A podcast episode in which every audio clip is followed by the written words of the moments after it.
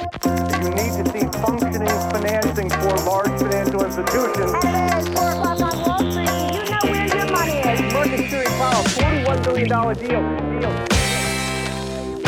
Då är det dags för investerarens podcast nummer 50 i ordningen och vi har fått ett nytt börsår dessutom när jag spelar in det här uh, onsdagen den 2 januari 2019 och vi har ju alltså stängt böckerna för 2018 som visade sig bli ett ganska volatilt år. Det svängde ganska mycket på världshaven där ute, de finansiella världshaven.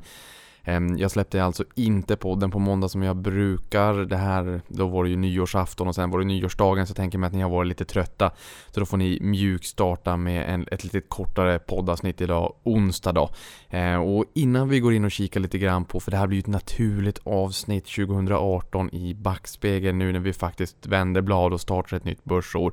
Men dessförinnan så kan jag säga att det här spelas ju in när det ganska snart lider slut på den första börsdagen för det här året. Vi har alltså börjat skriva en ny historia då med, med den första börsdagen och det var en ganska tråkig start på det här året. Vi var ner som mest 2% i inledande handeln och vi ska ju komma ihåg att det var en ganska stökig börshöst i fjol och även en, en stökig december. Och då är det väl ganska naturligt att, eh, kunna ana att de här oroligheterna inte bara försvinner bara för att vi vänder blad. Om än det faktiskt är så att vi brukar kunna bli lite mer optimistiska när vi faktiskt också vänder blad och startar på ny kula. Det ska man inte förringa och det är en anomali på börsen. Men likväl så finns ju orosmolnen fortfarande kvar. Även om Trump nu har varit ute och twittrat och sagt att man börjar närma sig en, en konstruktiv lösning med Kina när det gäller handelskonflikten. Och han har ju även under julledigheten varit ute och twittrat och sagt att de USA då har eh, världens bästa bolag och att siffrorna är enormt bra och att det förmodligen är ett väldigt bra köpläge för att köpa eh, aktier, alltså buy the dip helt enkelt. Eh, och det, det, är ju beroende på vem man lyssnar på kanske så att han är den presidenten historiskt i USA som har varit allra mest mån om aktiemarknaden och det är ju alldeles tydligt att han också tar väldigt mycket intryck eh, utefter hur börsen går och, och, eh, på något sätt också drar en, en, liknelse eller en parallell till hur bra hans presidentskap går för USA. Han har ju väldigt många gånger tagit sig äran då att det går väldigt bra på börsen. Så det är klart att han tar ju uppenbarligen även intryck när det går lite sämre och vill ju stötta marknaden lite grann. Frågan är väl kanske om det är så att man verkligen får skicka ut tweets som man vet är, är ordentligt marknadspåverkande på det sättet han gör. Det är inte upp till mig att bedöma, men Idag då så var vi ner som mest 2% och sen nu när jag sätter mig då för att spela in det här så är det en dryg en och en halv timme kvar ungefär tills börsen stänger. Och då såg jag att vi stod på minus 0,25. Många index i Norden är faktiskt på plus. Även om USA har startat eh, ner ganska mycket idag. Tesla var ner väldigt mycket för de producerade många bilar men inte tillräckligt många bilar för att göra marknaden nöjd helt enkelt. Och den är ju en aktie som faktiskt har haft det ganska eh, bra, eller ett bra flyt den senaste tiden. Så att det har väl varit lite inbyggda förväntningar också som kanske då inte materialiserades. Så den var nere över 8% här eh, i, i början. Men hörni, eh, 2018 är ju till sin ända och jag tycker att det är tid för att sätta sig ner och reflektera kring hur, hur börsåret gick, vad man har lärt sig och vad man kanske ska göra bättre inför nästa år nu 2019 och Antingen så kanske du har haft lite tid under jul och nyårsledigheten att fundera lite grann eller så kanske du kan ta det nu för att jag tror att många företag mjukstartar lite grann också och många tar klämdagar och sådär. Så att än är det ju inte 100% up and running på alla företag där ute i vårt avlånga land. Så att ta en kopp kaffe och fundera lite grann kring Eh, vad gjorde du bra i fjol och vad gjorde du mindre bra och eh, vad vill du lära dig eller vad vill du göra annorlunda i år helt enkelt? Däremot är ju faktiskt inte börsåret riktigt stängt förrän vi har fått det fjärde kvartalet rapporterat. Och det kommer ju i samband med boksluten då. Jag menar vissa börjar ju faktiskt leverera boksluten här ganska snart. Jag menar vi på Avanza är ju väldigt tidiga. Vi den 17 eller om det är 18 januari så släpper vi vårt bokslut och sen så börjar de ju trilla in. Eh, där kan vi ju helt enkelt därefter då stänga året och jag tror att det som många kommer vara lite nyfikna på det är ju eh, dels marginalerna, alltså hur lönsamheten utvecklades men även efterfrågan försäljning självfallet som alltid. Eh, inom verkstad så är det nog i mångt och mycket orderingången och sen kommer man också lägga stor vikt vid vad bolagen faktiskt säger vad ser de framför sig? Vad, vad tror de att eh, efterfrågan kommer gå 2019? Och tror man att det kommer bli jobbigare eller tror man att det kommer kunna bli lite lättare? Eller tror man på en oförändrad efterfrågan? Skriver man någonting om handelskonflikten eller om en avmattad konjunktur eller är det business as usual? Så det kommer ju bli väldigt intressant. Någonting annat som också är intressant när boksluten kommer det är ju förslagen till eh, utdelning då som man lägger fram för årsstämman att besluta om och det är ju högperiod för årsstämmorna på vårkanten. Så då får vi se vilka bolag som glädjer sina aktieägare med kanske en och annan saftig utdelningshöjning. Ni vet ju att en utdelningshöjning eller en utdelningstillväxt är ju lite grann som löneförhöjningen i portföljen helt enkelt. Vid sidan av eh, löneförhöjningen från inkomst av tjänst då helt enkelt. Men när jag sammanfattade börsåret 2017 på Avanza-bloggen för ganska precis ett år sedan så skrev jag om en stark ekonomisk tillväxt, en eh, negativ ränta. Vi gick ju in i det negativa ränteklimatet den 18 februari 2015. Jag skrev även om en låg volatilitet. Det var ju liksom ganska spegelblank sjö där ute på börs... Ja, då är det inte börshavet. Börssjön. Eh, och ett ganska starkt, om inte väldigt starkt noteringsklimat. Det väldigt bara in bolag. Jag vill minnas att det kom in 115 First North-bolag i Norden, varav 79 var i Stockholm. Det kommer även in väldigt många bolag på Stockholmsbörsen.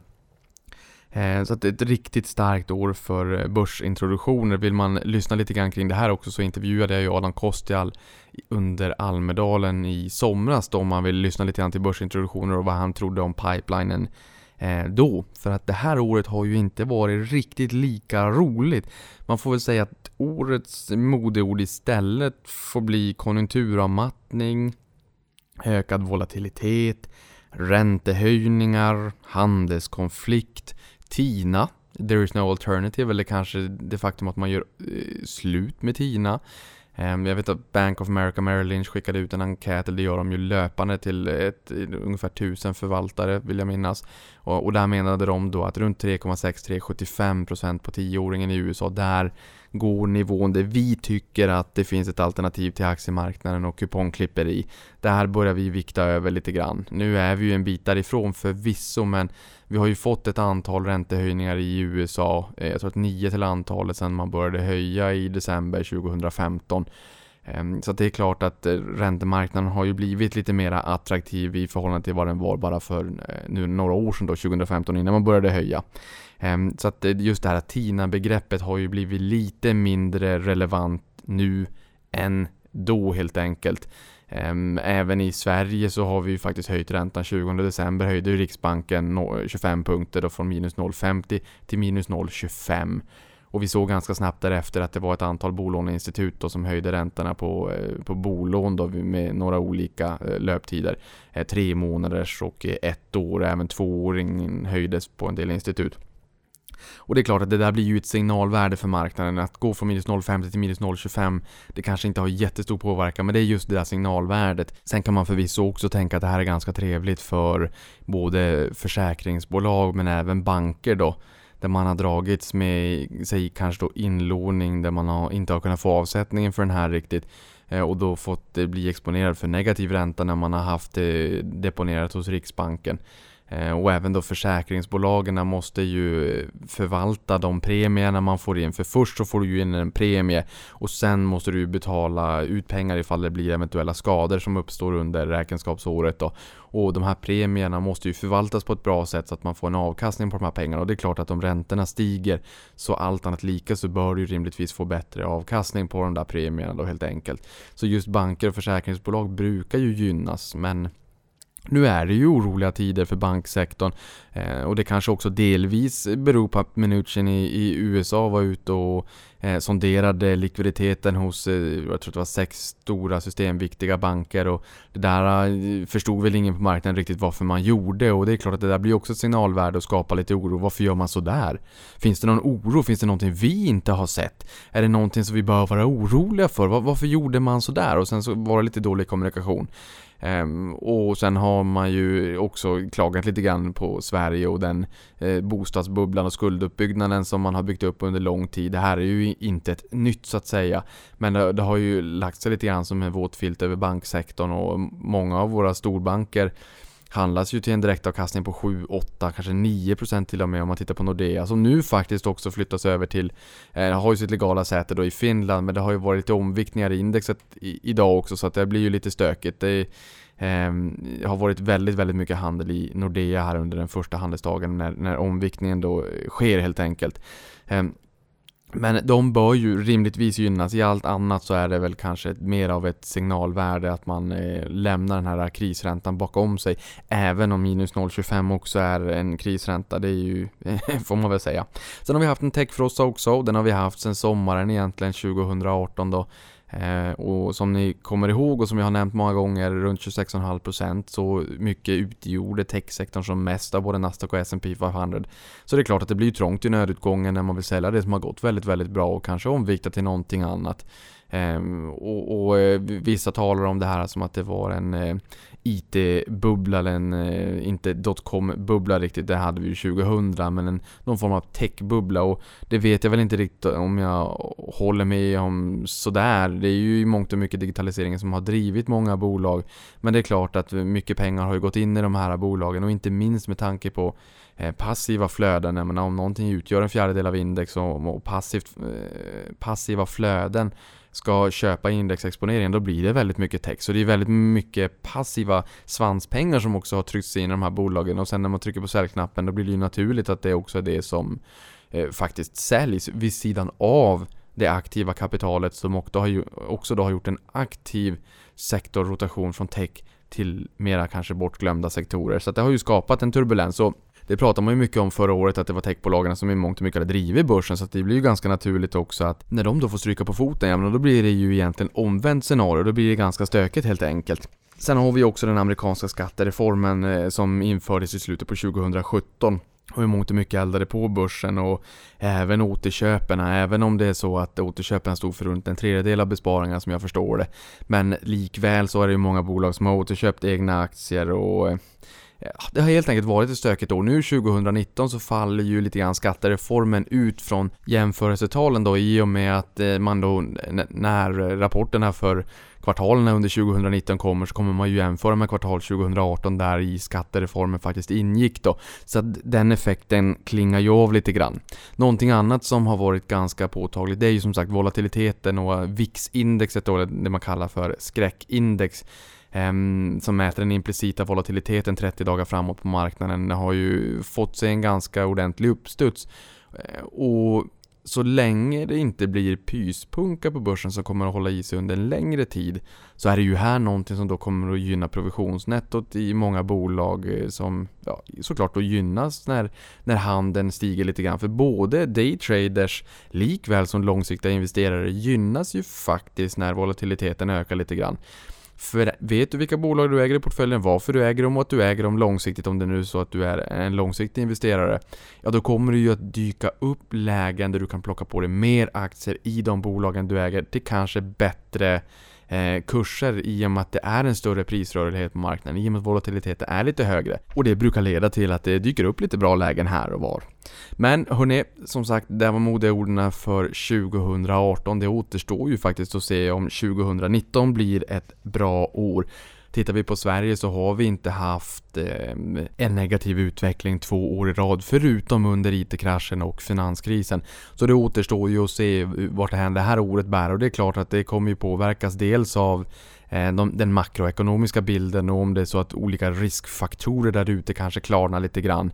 Eh, och sen så kommer det också påverkas av vart vinsterna går helt enkelt. Så om det är så att vi får en lösning på handelskonflikten, att vi kanske får en, Ehm, en, en mjuk Brexit som är planerad till 29 mars 2019. Likväl som att vi kanske också får en, en försvagning av dollarn vilket i mångt och mycket skulle gynna mm, tillväxtmarknader. Ja då kanske vi får en helt annan riskbild och en helt annan avslutning på det här året. Ehm, men även om historien inte säger någonting om framtiden så är det kanske just det den gör.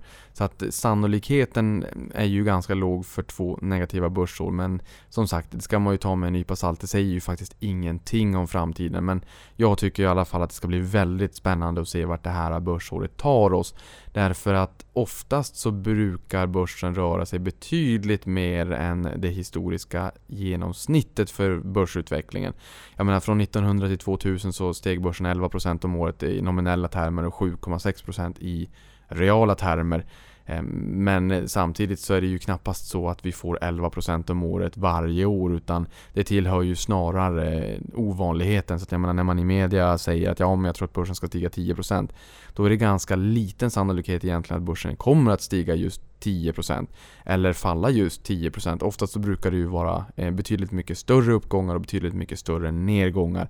Men eh, snittet brukar landa ungefär där helt enkelt. De senaste åren har varit ganska eh, modesta. Eh, 2015, 16, 17 var ganska modesta. Eh, från en nedgång till på minus 1,21 eh, under 2015 till en uppgång på runt 4, mellan 4 och 5 procent och både under 16 och 17 exklusive utdelning. Eh, det här året, eller 2018, då blev ju faktiskt lite större. Det blev ju en, en tvåsiffrig nedgång på minus 10,67% på OMXS30 så det är ju faktiskt en lite större nedgång. Eh, och om vi tittar just där då hur börsåret faktiskt slutade på de olika indexerna så kan vi ju säga just OMXS30 då, minus 10,67%. Eh, och sen om vi tar det indexet inklusive återinvesterad utdelning då landar vi på minus 7,04. Eh, och just nu i takt med att bolagen eh, taktar ju faktiskt på och ökade vinsterna väldigt bra under förra året och förväntas faktiskt också öka vinsterna kring 7% under 2019. Det återstår ju att se självfallet. Men i takt med att aktiekurserna har fallit så har ju det drivit upp direktavkastningen på börsen som ligger på strax under 5% på OMXS30 just nu. Men minus 7,04 om vi räknar med fjolårets utdelning. Sen har vi Stockholmsbörsens breda index OMXSPI som sjönk 7,67% Eh, och 6PRX då, om det är så att vi räknar med återinvesterad utdelning, då landar vi på minus 4,41. Det kan ju vara mer eh, vettigt att jämföra sig med Stockholmsbörsens breda index om det är så att man har många bolag eh, på kanske midcap eller small cap eller som överlag inte ingår i OMXS30-indexet, alltså PRO-ligan eller de stora Eh, i princip största bolagen på Stockholmsbörsen. Då. Nu är ju OMXS30 de 30 mest handlade aktierna, men allt som oftast så är det ju också de största bolagen. Sen har vi Dow Jones i USA minus 5,63, Nasdaq minus 3,88 och S&P 500 minus 6,24. Även om de här nedgångarna inte ser så blodiga ut så var ju fallet från eh, toppnivåerna under 2018 eh, till eh, där vi då stängde. Det var ganska markanta fall faktiskt. Ehm, och tittar vi på vilka aktier som gick allra bäst så var det lite av en skräll för att Ericsson hade sin storhetstid 2000 eh, värt 1800 miljarder utgjorde 48% av index och var nationalklenod eh, jämte Nokia i Finland eh, steg 47% förra året i OMXS30 nu då. Och det här tror jag var väldigt få som förväntade sig för att media var inte alls jättepigga på när Börje Ekholm, Investors förra VD, skulle ta över rodret för Ericsson. I och med att han hade då varit VD på Investor och det är ju inte en jättestor organisation. Det är väl strax under 100 anställda där, ett 70-tal kanske. Medan det har varit, eh, nu vet inte jag exakt på, i, i talande stund, men en bit över 100 000 Ericsson i alla fall. Så det är ju en större operationell eh, rörelse att driva i förhållande till ett investmentbolag. Ehm, men likväl, så det där har eh, varit eh, det har varit en bra resa under året och jag tror att han har tystat kritikerna lite grann i alla fall. Sen får vi se vart hän det bär.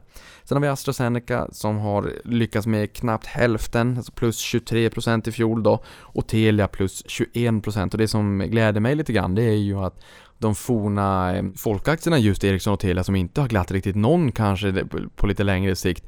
Eh, båda hamnade på prispall faktiskt under fjolåret så att det visar ju att eh, dels Ericsson har fått upp väldigt mycket fart Sen även att eh, defensivt som läkemedel brukar klassas likväl som telekom också har varit i eh, favoriter bland investerarna eller vunnit investerarnas gunst. Kommit in i bastun medan många andra bolag har åkt in i, i frysboxen. Tittar vi på hela Stockholmsbörsen eh, så är det Viking Supply Chips med en uppgång på 572% som blev en ohotad etta och de lyckades ju sälja, jag tror att det var tre skepp va, som de hade väldigt många år på nacken och det sålde de till en ohyggligt bra prislapp som gjorde att marknaden fick en ordentlig kallsup och därefter handlade upp aktierna ordentligt mycket. Sen har vi Oasmia upp 249% och BioArctic upp 215%. Sen har vi ju också tyvärr eh, några bolag som intog jumboplatsen i OMXS30 och Getinge föll 31% och sen hittar vi starkt cykliska bolag som SSAB och Boliden som vardera föll eh, 30%. Och här får man en liten hint också om den eh, konjunkturella oro som marknaden visade under förra året. Från att i början ha en ganska positiv syn på konjunkturen, sen vart efter året led blir mer och mer oroliga och handelskonflikten har vi ju pratat om egentligen sen, ja hela sommaren, egentligen juni, hela sommaren eh, och fram till årsskiftet då i fjol. Så det har ju varit en eh, Eh, en, ett gruskorn i skon under ganska lång tid. Eh, och här vill jag bara poängtera att både SSAB och Boliden var upp 17,7 respektive 17% under året. Men båda stängdes ändå ner minus 30% så det är ju två väldigt stora rörelser i två starkt cykliska bolag då. Eh, och här vill jag väl bara mana till försiktighet också just att SSAB och Boliden är cykliska eh, bolag helt enkelt. SSAB är ju beroende av priset på järnmalm och sen energipriset i framställan och sen eh, världsmarknadspriset på högfast stål. Och Boliden är ju självfallet beroende av eh, världsmarknadspriserna både för ädelmetaller och basmetaller och självfallet även dollarpriset i och med att de prissätts i dollar. Och det är ju koppar, zink och nickel men även guld helt enkelt. Så att det är ju mycket som är utom bolagets egna kontroll även om man kan hålla tätt bakåt genom att hålla kostnaderna i schack. Så är det fortfarande så att man är väldigt starkt beroende av konjunkturen och efterfrågan och världsmarknadspriserna. Just koppar är en sån där intressant indikator också som brukar vara en ledande indikator med lite Göteborgshumor för konjunkturens vigör i och med att koppar används inom väldigt många olika områden globalt sett. Det är ju en eh, har ju en ganska spridd industriell användning inom väldigt många områden så att säga. Så att just efterfrågan på koppar brukar vara en sån där ledande indikator för hur konjunkturen mår. Och tittar jag på kopparpriset då senaste eh, året, alltså från idag då 2 januari, så ett år bakåt så är kopparpriset då ner 16,9%. Eh, för dig som vill lära dig lite mer om råvaror och hur man ska tänka kring dem så eh, rekommenderar jag det tidigare poddavsnittet i två delar med Anders Söderberg från tidigare då SCB råvaruteam där han pratar i nästan två timmar om alla möjliga råvaror och hur man ska tänka helt enkelt. Men åter tillbaka till jumboplatsen då för de aktierna som har gått ner väldigt, väldigt mycket. Där kan man ju säga att de som är duktiga på timing, där går det att tjäna väldigt mycket pengar på eh, starkt cykliska bolag som SSAB och Boliden när det stiger. Eh, och man kan förlora väldigt mycket pengar när det går ner. Så att är det så att man gillar timing, då ska man ju självfallet kolla in de här två aktierna och bilda sig en uppfattning om vart de befinner sig just nu och vad man tror om framtiden helt enkelt. Det är lite för svängiga aktier för, för min smak, men det betyder ju inte att det är för svängigt för dig helt enkelt. Däremot så hörde jag under julledigheten när jag var uppe in, eh, hemma i Boden så hörde jag en kompis berätta att ingångslönen tydligen på LKAB med tillägg är runt 44 000 kronor. Så eh, den här lönesättningen vittnar väl kanske om att det ändå är goda tider. Sen vet inte jag vad en normal lönesättning är och, och eh, över tid så att säga men jag tycker att det lät som att det var en ganska hög lön även om man har en del risktillägg självfallet men att ha det som en ingångslön så det vittnar väl lite grann om eh, vart vi befinner oss just nu för där kanske man ser lönerna krypa neråt lite grann om vi skulle få sämre tider. Det finns säkert de som är betydligt mycket mer insatt i det än vad eh, jag är i och med att jag bara går på andrahandsinformation. Nåväl, tillbaka till börserna och till USA och där vill jag säga att både indexet S&P 500 och börsen Nasdaq såg sina största nedgångsår sedan finanskrisen 2008 även om man kan tycka att en, en nedgång på en 5, 6, 7% kanske inte är sådär jättemycket så tillhör det uppenbarligen inte riktigt vanligheterna i USA i alla fall. Eh, och det är kanske därför också Trump var ute och twittrade om att de har världens bästa bolag och riktigt, riktigt eh, aptitliga siffror som borde göra att det är ett aptitligt köpläge just nu till att eh, buy the dip helt enkelt som jag sa där i början. Om det faktiskt är så eller inte, det står skrivet i stjärnorna dock och det har ju som sagt åter att göra med vart vinsterna faktiskt går under det här året och jag tror att analytikerkåren har eh, en, en förväntansbild om att vinsterna kommer att eh, ändå stiga ganska hyggligt under året. Får vi då se det materialiseras samt att vi då får se vissa risker tonas ner lite grann, handelskonflikt, Brexit med mera, ja då bör det rimligtvis kunna eh, skapa lite grogrund för ett, ett visst lättnadsrally faktiskt. Men det återstår ju helt enkelt att se då. I Sverige sjönk OMXS30 1,21 under 2015 och det innebär att eh, fjolåret 2018 är det första negativa året sedan 2015. Ehm, I och för sig så är det ju så att börsåret 2015 inte var negativt om vi räknar med återinvesterad utdelning. Då får vi backa bak ända till 2011. Eh, tar vi OMXSPI, Stockholmsbörsens breda index, så sjönk ju det 767 Eh, och det är det första nedgångsåret sedan 2011. Eh, även det då det året så föll OMXSPI 16,69% så det var ett ganska, ett ganska stort tapp, en ganska stor nedgång. Och i dessa tider när vi vänder blad och alla tittar på statistik och hur brukar börsen i januari gå och hur brukar det gå när börsåret har slutat negativt året innan och ja men ni vet. Då vill jag dela med mig av en liten kuriosa också som jag såg att Tobbe Rosén skrev på Twitter. Där sa han så här att bara vid fem tillfällen de senaste 88 åren när Stockholmsbörsen stängt året med större nedgångar än 10% så har året efter stängt negativt. Tror jag, skriver han inom citationstecken. Eh, 1930 då, han tror att det är just året 1930 och där fick vi ju i samband med det då depressionen också. 1940 1966, 1977 och 2001. Hashtag onödigt vetande. Det tycker jag inte alls är onödigt vetande.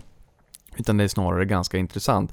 Så det har alltså bara vid fem tillfällen de senaste 88 åren eh, varit så att börsåret efter ett negativt börsår, med börsen faller mer än minus 10% slutat negativt året efter också. Så att oddsen är ju på våran sida att det här börsåret blir positivt. Eh, och är det så att vinsterna faktiskt stiger i år, ja då bör det ju rimligtvis finnas en god sannolikhet att vi får e- en rätt fin återhämtning under året. Men som sagt, det är helt enkelt skrivet i stjärnorna, men det är ju många som gillar att titta i spåkulorna och grotta ner sig och luta sig mot statistik. Det gör även jag, det tycker jag är väldigt intressant. I USA så var det första nedgången på tre år för S&P 500 och eh, Dow Jones. Eh, och Nasdaq som är den tekniktunga börsen eh, bröt faktiskt en sexårig winning streak helt enkelt. Alltså första negativa året då på sex år och det har faktiskt aldrig någonsin hänt tidigare att S&P 500 har bjudit på ett negativt år efter att ha stigit de tre första kvartalen under året som eh, den faktiskt gjorde under fjolåret. Nåväl, det måste vara första gången för allt. Eh, det finns nya eh, trender och, och mönster som är till för att brytas under det här året. Så det, det, var första gången. Nu hittar vi någonting annat att bryta mot som är första gången 2019 då. Um, och dessutom så hade både S&P 500 och Dow Jones också sin sämsta decembermånad sedan 1931, alltså kring depressionen. Och det här tycker jag förvisso är ganska bra, för det tyder någonstans på att den här nedgången i, sett i kontext och sammanhang kanske är lite väl överdriven. För det är ju inte varje år som vi får en rörelse som är den sämsta, eller en månad som är den sämsta sedan depressionen på 30-talet. Ehm, och det är klart att eh, varje rörelse kan ju inte vara det, eh, helt enkelt. Men det kanske någonstans vittnar om att det är väldigt mycket oro i marknaden just nu och kanske också gör att det finns en viss uppsida. För att självfallet är det ju så att Eh, när värderingarna kommer ner och när börsen faller så ökar ju sannolikheten för en, en hyggligt god avkastning framåt. Men är det så att börsen stiger, ja men då kommer folk vilja köpa aktier för det känns väldigt bra. Börsen stiger och man kan tjäna väldigt bra med pengar på börsen. Men i takt med att börsen stiger så minskar ju också potentialen framåt. I takt med att börsen faller så får vi mer och mer ont i magen men det innebär också att potentialen därifrån och framåt faktiskt stiger för varje extra procentenhet som börsen faller. Även om vi får peak earnings. För att peak earnings håller ju inte i sig för evigt. Även om eh, vinsterna toppar för den här gången och ska ner en bit så kommer de ju någonstans också vända och återigen stiga helt enkelt. Eh, och börsen har ju tecknat in ganska mycket i och med att den har fallit en hel del. Sen såg jag en graf här i, från JP Morgan i helgen där jag såg att rörelsemarginalen bland amerikanska bolag är på rekordhöga nivåer faktiskt just nu. Så det, det är klart att de, de, som tror på peak earnings och, eh, och, och, att lönsamheten har toppat och tror på lite sämre tider och, och ökade kostnader och löneinflation och allt vad det är. Ja men de kanske kan få vatten på sin kvarn framåt men eh, jag lever väl i den tron att ingen kommer att komma ihåg den här sättningen om några år. Och jag ser väl inte framför mig varför den här nedgången skulle bli den värsta i mannaminne. Ehm, en, en oroshärd i och för sig, det är väl vad som händer då när räntorna börjar stiga runt om i världen. Alltså, räntan är ju priset på pengar och vi har haft väldigt billiga pengar under väldigt lång tid. och Även om centralbankspengarna inte har kommit ut i, i finanssystemet och köpt aktier på bred front. Det har man gjort i Japan eh, bland annat. Men i andra länder har man ju mångt och mycket köpt eh, obligationer. Ja, men det, det, är ju inte att köpa aktier men däremot så har man ju sänkt eh, kostnaden för många bolag. Jag menar, I vissa delar så har man ju köpt eh, även företagsobligationer då. Jag menar, det är klart att det sänker ju fundingkostnaden, alltså finansieringskostnaden och likväl som att låga räntor också har gjort att många kanske använder belåning eller gör investeringar som man annars kanske inte hade gjort om priset på pengar hade varit lite högre och det kanske nog kan skapa lite huvudbry. Eh, och det här är ju någonting som marknaden också tecknar in lite oro kring eh, och Eh, många oroar sig väl även att USA ska vara lite grann ute ur cykeln och jag menar Trump har ju även han varit ganska hård mot eh, Federal Reserve under jul och nyårsledigheten och också sagt att man kanske tänkte till och med sparka riksbankschefen och huruvida det är möjligt eller inte, det vet faktiskt inte jag. Men det här har ju skapat lite oro i, i marknaden helt enkelt. Men just att det har varit den sämsta december månad sedan 1931, det tycker jag känns ändå ganska bra eh, och skapar väl lite möjlighet för en, eh, eh, ett sentimentsomslag sen att man kan komma in till lite vettiga kurser i, i många bolag helt enkelt. Eh, och det är ju som sagt när allt ser som mörkast ut eh, och alla är pessimistiska som det kanske är dags att köpa aktier. Även om den här nedgången inte alls är speciellt stor i ett historiskt perspektiv när vi har fått eh, krascher. Men eh, krascher är inte eh, jättevanliga. Tittar vi på januari sedan 1999 så ligger snittet på 0,05% så det, det, kanske inte bidrar med någon jättepotential eller betryggande känsla. Eh, även om vi brukar se positivt på ett nytt år när vi vänder blad och brukar få en, en hyggligt eh, okej okay start så har snittet liksom inte varit speciellt bra egentligen under den här 20-årsperioden. Ehm, men tittar vi på medianen istället så ligger den på plus 0,49. De bovarna som sticker ut här är 2002, 2003, 2008, 2009 och 2016. 2016 då var det euron för Kina där som gjorde att vi fick en ordentlig kalldusch eh, den 4 januari då. Första handelsdagen ända fram till eh, 21 januari. Det var inte alls en rolig börs. Sen bottnade vi 11 februari som ni kanske kommer ihåg och sen vart det ju en fin uppstuds där. Men tittar vi på FANG-aktierna, klassiska FANG-bolagen Facebook, Amazon, eh, Apple, Netflix och Google, numera Alphabet, så var det faktiskt Netflix som orkade stiga 39% under förra året och Amazon steg 28%. Även om den var ner ganska mycket från toppen, 2050,50 dollar, Eh, så lyckas den stiga ändå ganska mycket och det här är återigen viktigt att veta vart man kommer ifrån för många bolag stökade till mycket under förra året. Många varit oroliga, fick lite ont i magen men tittade man bara på, jag menar senaste eh, året eller year to date i de här bolagen så hade många stigit väldigt mycket då. Alphabet minus 1%, Apple minus 5% och Facebook minus nästan 26% och det är ju det första negativa året sedan IPOn 18 eh, maj 2012 och de har ju sina egna utmaningar. Jag såg senast idag att många appar läcker information till Facebook även om du inte ens har ett konto hos dem. Så att, eh, jag vet inte, det är... Eh, man måste nog ta sig en funderare vad man tror om Facebook och använda data och regleringar framåt och om det verkligen är så att Facebook gör allt, som, allt för användarnas skull eller om de gör det för sin egen skull. Så det är någonting jag tycker att man får fundera lite grann på och bara fråga sig själv, vad tycker jag om det här? Jag kan väl spontant känna att eh, framtidspotentialen känns jättebra för den här typen av bolag om det inte hade varit för den här lilla detaljen med personlig integritet och vad som händer och hur man säljer vidare data och om man kan vara trygg att den datan man faktiskt genererar någonstans används för mitt bästa och inte bara för bolagets bästa. Och det här är, eh, det här är förmodligen en debatt som vi kommer fortsätta se eskalera säkert under det här året också. Någonting annat som var lite bistert under förra året, det var ju börsintroduktionerna då. Jag sa ju i början av podden att 2017 var ett fantastiskt år för börsintroduktioner, men det var inte lika fantastiskt under fjolåret 2018. Eh, och i snitt så tappade nykomlingarna 11,5% jämfört med teckningskursen när eh, årets sista handelsdag var över enligt Dagens Industri. Ehm, så att, att, gå till börsen under förra året var lite grann av en eh, utmaning och 43 av 63 bolag tappade i värde jämfört med teckningskursen helt enkelt. Eh, så det återstår att se lite grann om det här året blir stökigt för får vi en ökad eller kanske till och med tilltagande volatilitet då kan det till och med vara så att vissa bolag skjuter på börsintroduktionerna. Eh, det är nästan så att vi får se om vi kan få med Adam Kostial igen och prata lite grann om, om pipelinen för bolagen som vill in till Stockholmsbörsen. Eh, och en annan reflektion jag har också det är att många rekommenderar defensiva sektorer och tycker att det kan bli lite stökigt på börsen nu. Då tycker man att köp det som är defensivt, det är lite lugnare, lite tryggare att ha när det stökar till på börsen. Men eh, jag tycker att ett fall på 17% sen toppen 29 augusti på 1679,50 Ja, toppen 17,20,02 27 april 2015 är väl toppen, toppen så att säga. Men den senaste toppen i modern tid eh, sattes 29 augusti. Eh, så att ett fall på 17% sen dess är ganska mycket och tecknar ändå in definitivt en, en avmattning eh, i konjunkturen och fallande vinster. Så att, jag menar, vi har redan tagit ganska mycket och många bolag börjar se ganska billigt ut och cykliskt har fallit från ja, mellan minus 20 till minus 40%. Vissa faller lite mer men då blir det tekniskt för att Eh, både Autoliv och Atlas Copco ser ut att ha fallit mer, men de har ju avknoppat och särnoterat eh, Veoneer i Autolivs fall och Epiroc i Atlas Copcos fall. Eh, men likväl så har ju i princip alla verkstadsbolag handlas ju i björntrend, alltså fallit med minst 20% sedan toppen senaste året.